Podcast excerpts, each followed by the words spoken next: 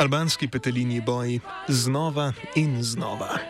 Me se te ja Petre na fin me je, me se te ja Petre na fin me je. Vojna v Ukrajini kaže zobe povsod po Evropi. V zadnjem tednu je negotova situacija na trgu energentov občutno zvišala cene pogonskih goriv, svoje pa so dodali tudi dobavitelji s cenovnimi špekulacijami. Če je v Albaniji liter dizla pred rusko invazijo na Ukrajino stal evro in pol, se je prejšnjo sredo cena zvišala za celih 40 odstotkov na skoraj 2,3 evra za liter. Ob vse višjih cenah prehrambenih izdelkov in 2,3 odstotni inflaciji je prebivalce večjih in manjših mest spravilo na ulice. Protestniki so se spopadali s policijo in za dobro uro zablokirali glavno avtocestno povezavo med Albanijo in Kosovom. Ja,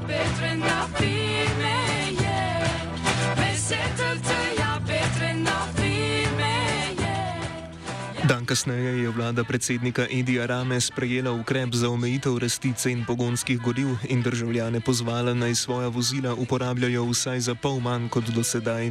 Ker je trg pogonskih goriv v Albaniji liberaliziran, ceno še vedno določajo dobavitelji, vlada pa iz trošarin financira gradbene in druge vladne projekte, pojasni Besar Likmeta, urednik portala BIRN Albanija.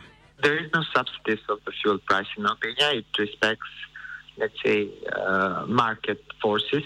Um, the actual fuel price is mostly made of taxes because a lot of taxes that are used to build roads, maintain roads, uh, carbon tax, and everything else is collected through the the sale of fuel and the price that we, uh, let's say consumers pay at the pump. So more than half of the price is actually taxes. Uh, the problem is that I think what brought people to the streets is that a lot of a lot, a lot of people in the country generally distrust the people who control the fuel market in Albania, which are mostly oligarchs, and they've seen us as manipulating the prices. So that's what brought people to the streets. A protestniki se niso vdali in so se proti vladi in oligarhom na ulice podali tudi v petek. Vlada je naslednje v soboto odgovorila z uvedbo paketa socialnih dobrin oziroma zviševanjem minimalne plače na 242 evrov mesečno ter, enkrat, ter enkratnim izplačilom 24 evrov najrevnejšim družinam. Kljub pozivom z ulice naj zmanjša trošarine, so te ostale enako visoke.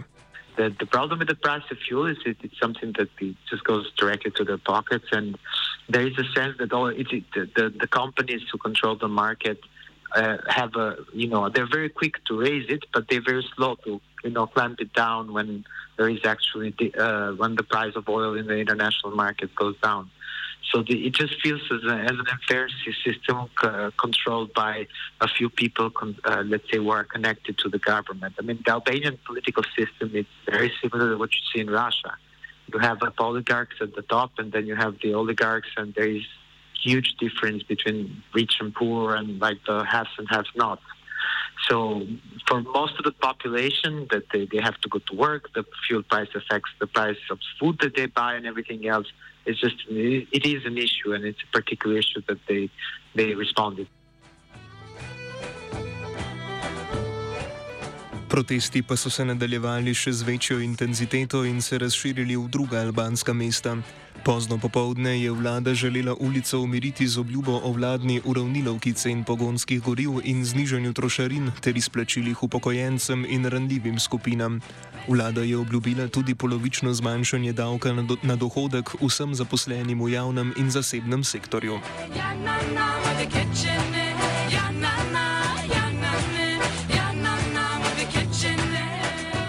Nemalo kritik je bilo deležno posredovanje policije. Policisti, številni med njimi neuniformirani kriminalisti, so med protesti aretirali večje število protestnikov.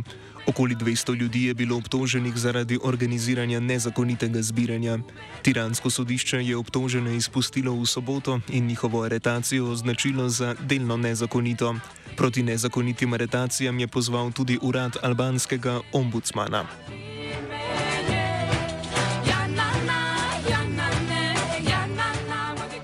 Čeprav naj bi slednje organizirala civilna sfera, je vladna socialistična stranka organizatorje označila za člane in podpornike največje opozicijske demokratske stranke.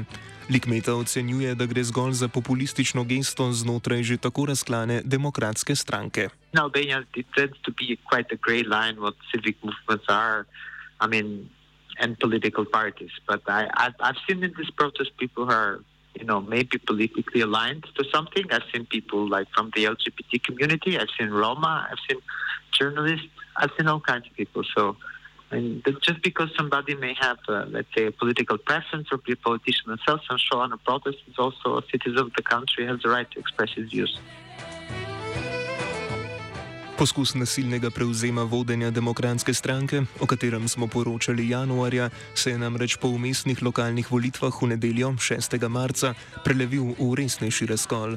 Kandidati separatističnega krila pod vodstvom iz stranke izključenega nekdanjega predsednika Salija Beriše so namreč v Skadru in petih drugih manjših mestih prehiteli aktualne kandidate demokratske stranke. The by-elections were just uh, in six municipalities. You'd elect mayors only for one year.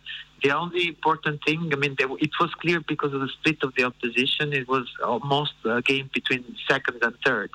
And uh, Berisha's, let's say, splinter group fared better than the actual main party, uh, the main Democratic Party. So that that was the news out of it. But it's going to be such a short time for the municipalities, so it's not the, the actual people got elected, which is the important part. It was mostly a political test. Zmaga v skadru je za separatistično krilo Beriše, imenovano Hiša svobode, še posebej pomembna, saj je to mesto ob mejnem skadrskem jezeru z dobrimi 130 tisoč prebivalci vedno veljalo za oporišče premijejeve vladajoče socialistične stranke. Demokratska stranka je tako po 30 letih pluralizma prvič pristala na tretjem mestu.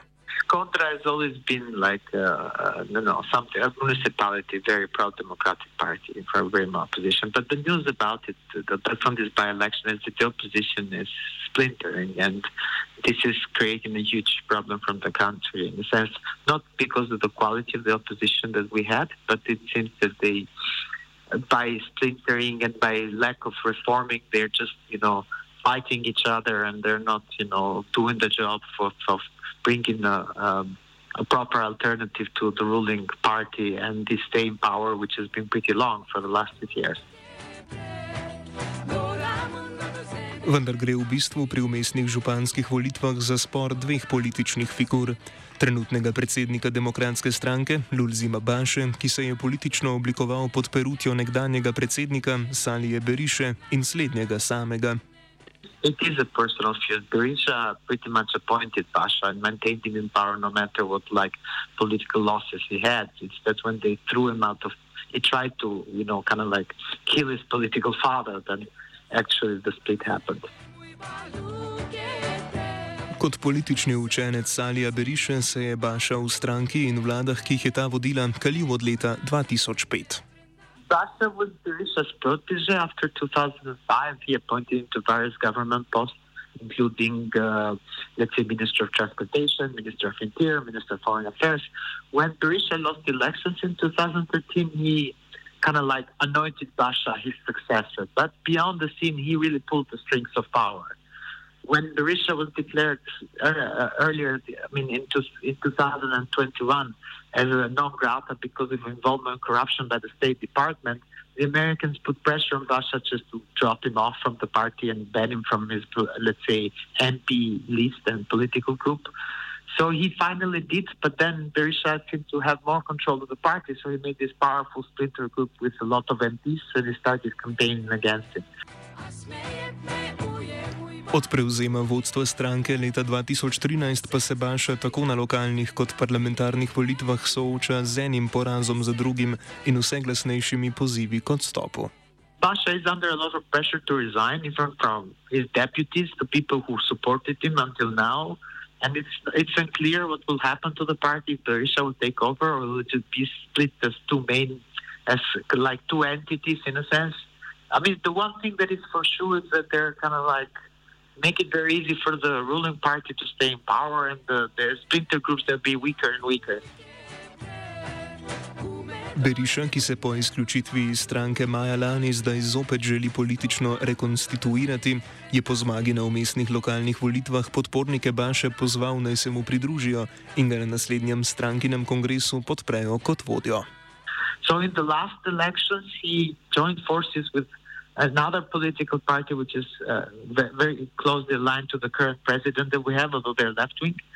And they they ran into the elections and they fared better than mean, basically their former political party, the Democratic Party. So this Freedom House, that was what it was.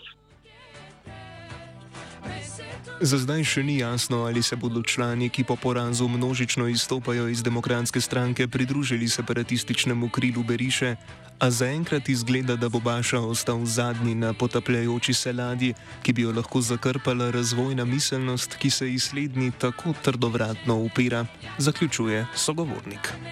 Ja, na, na,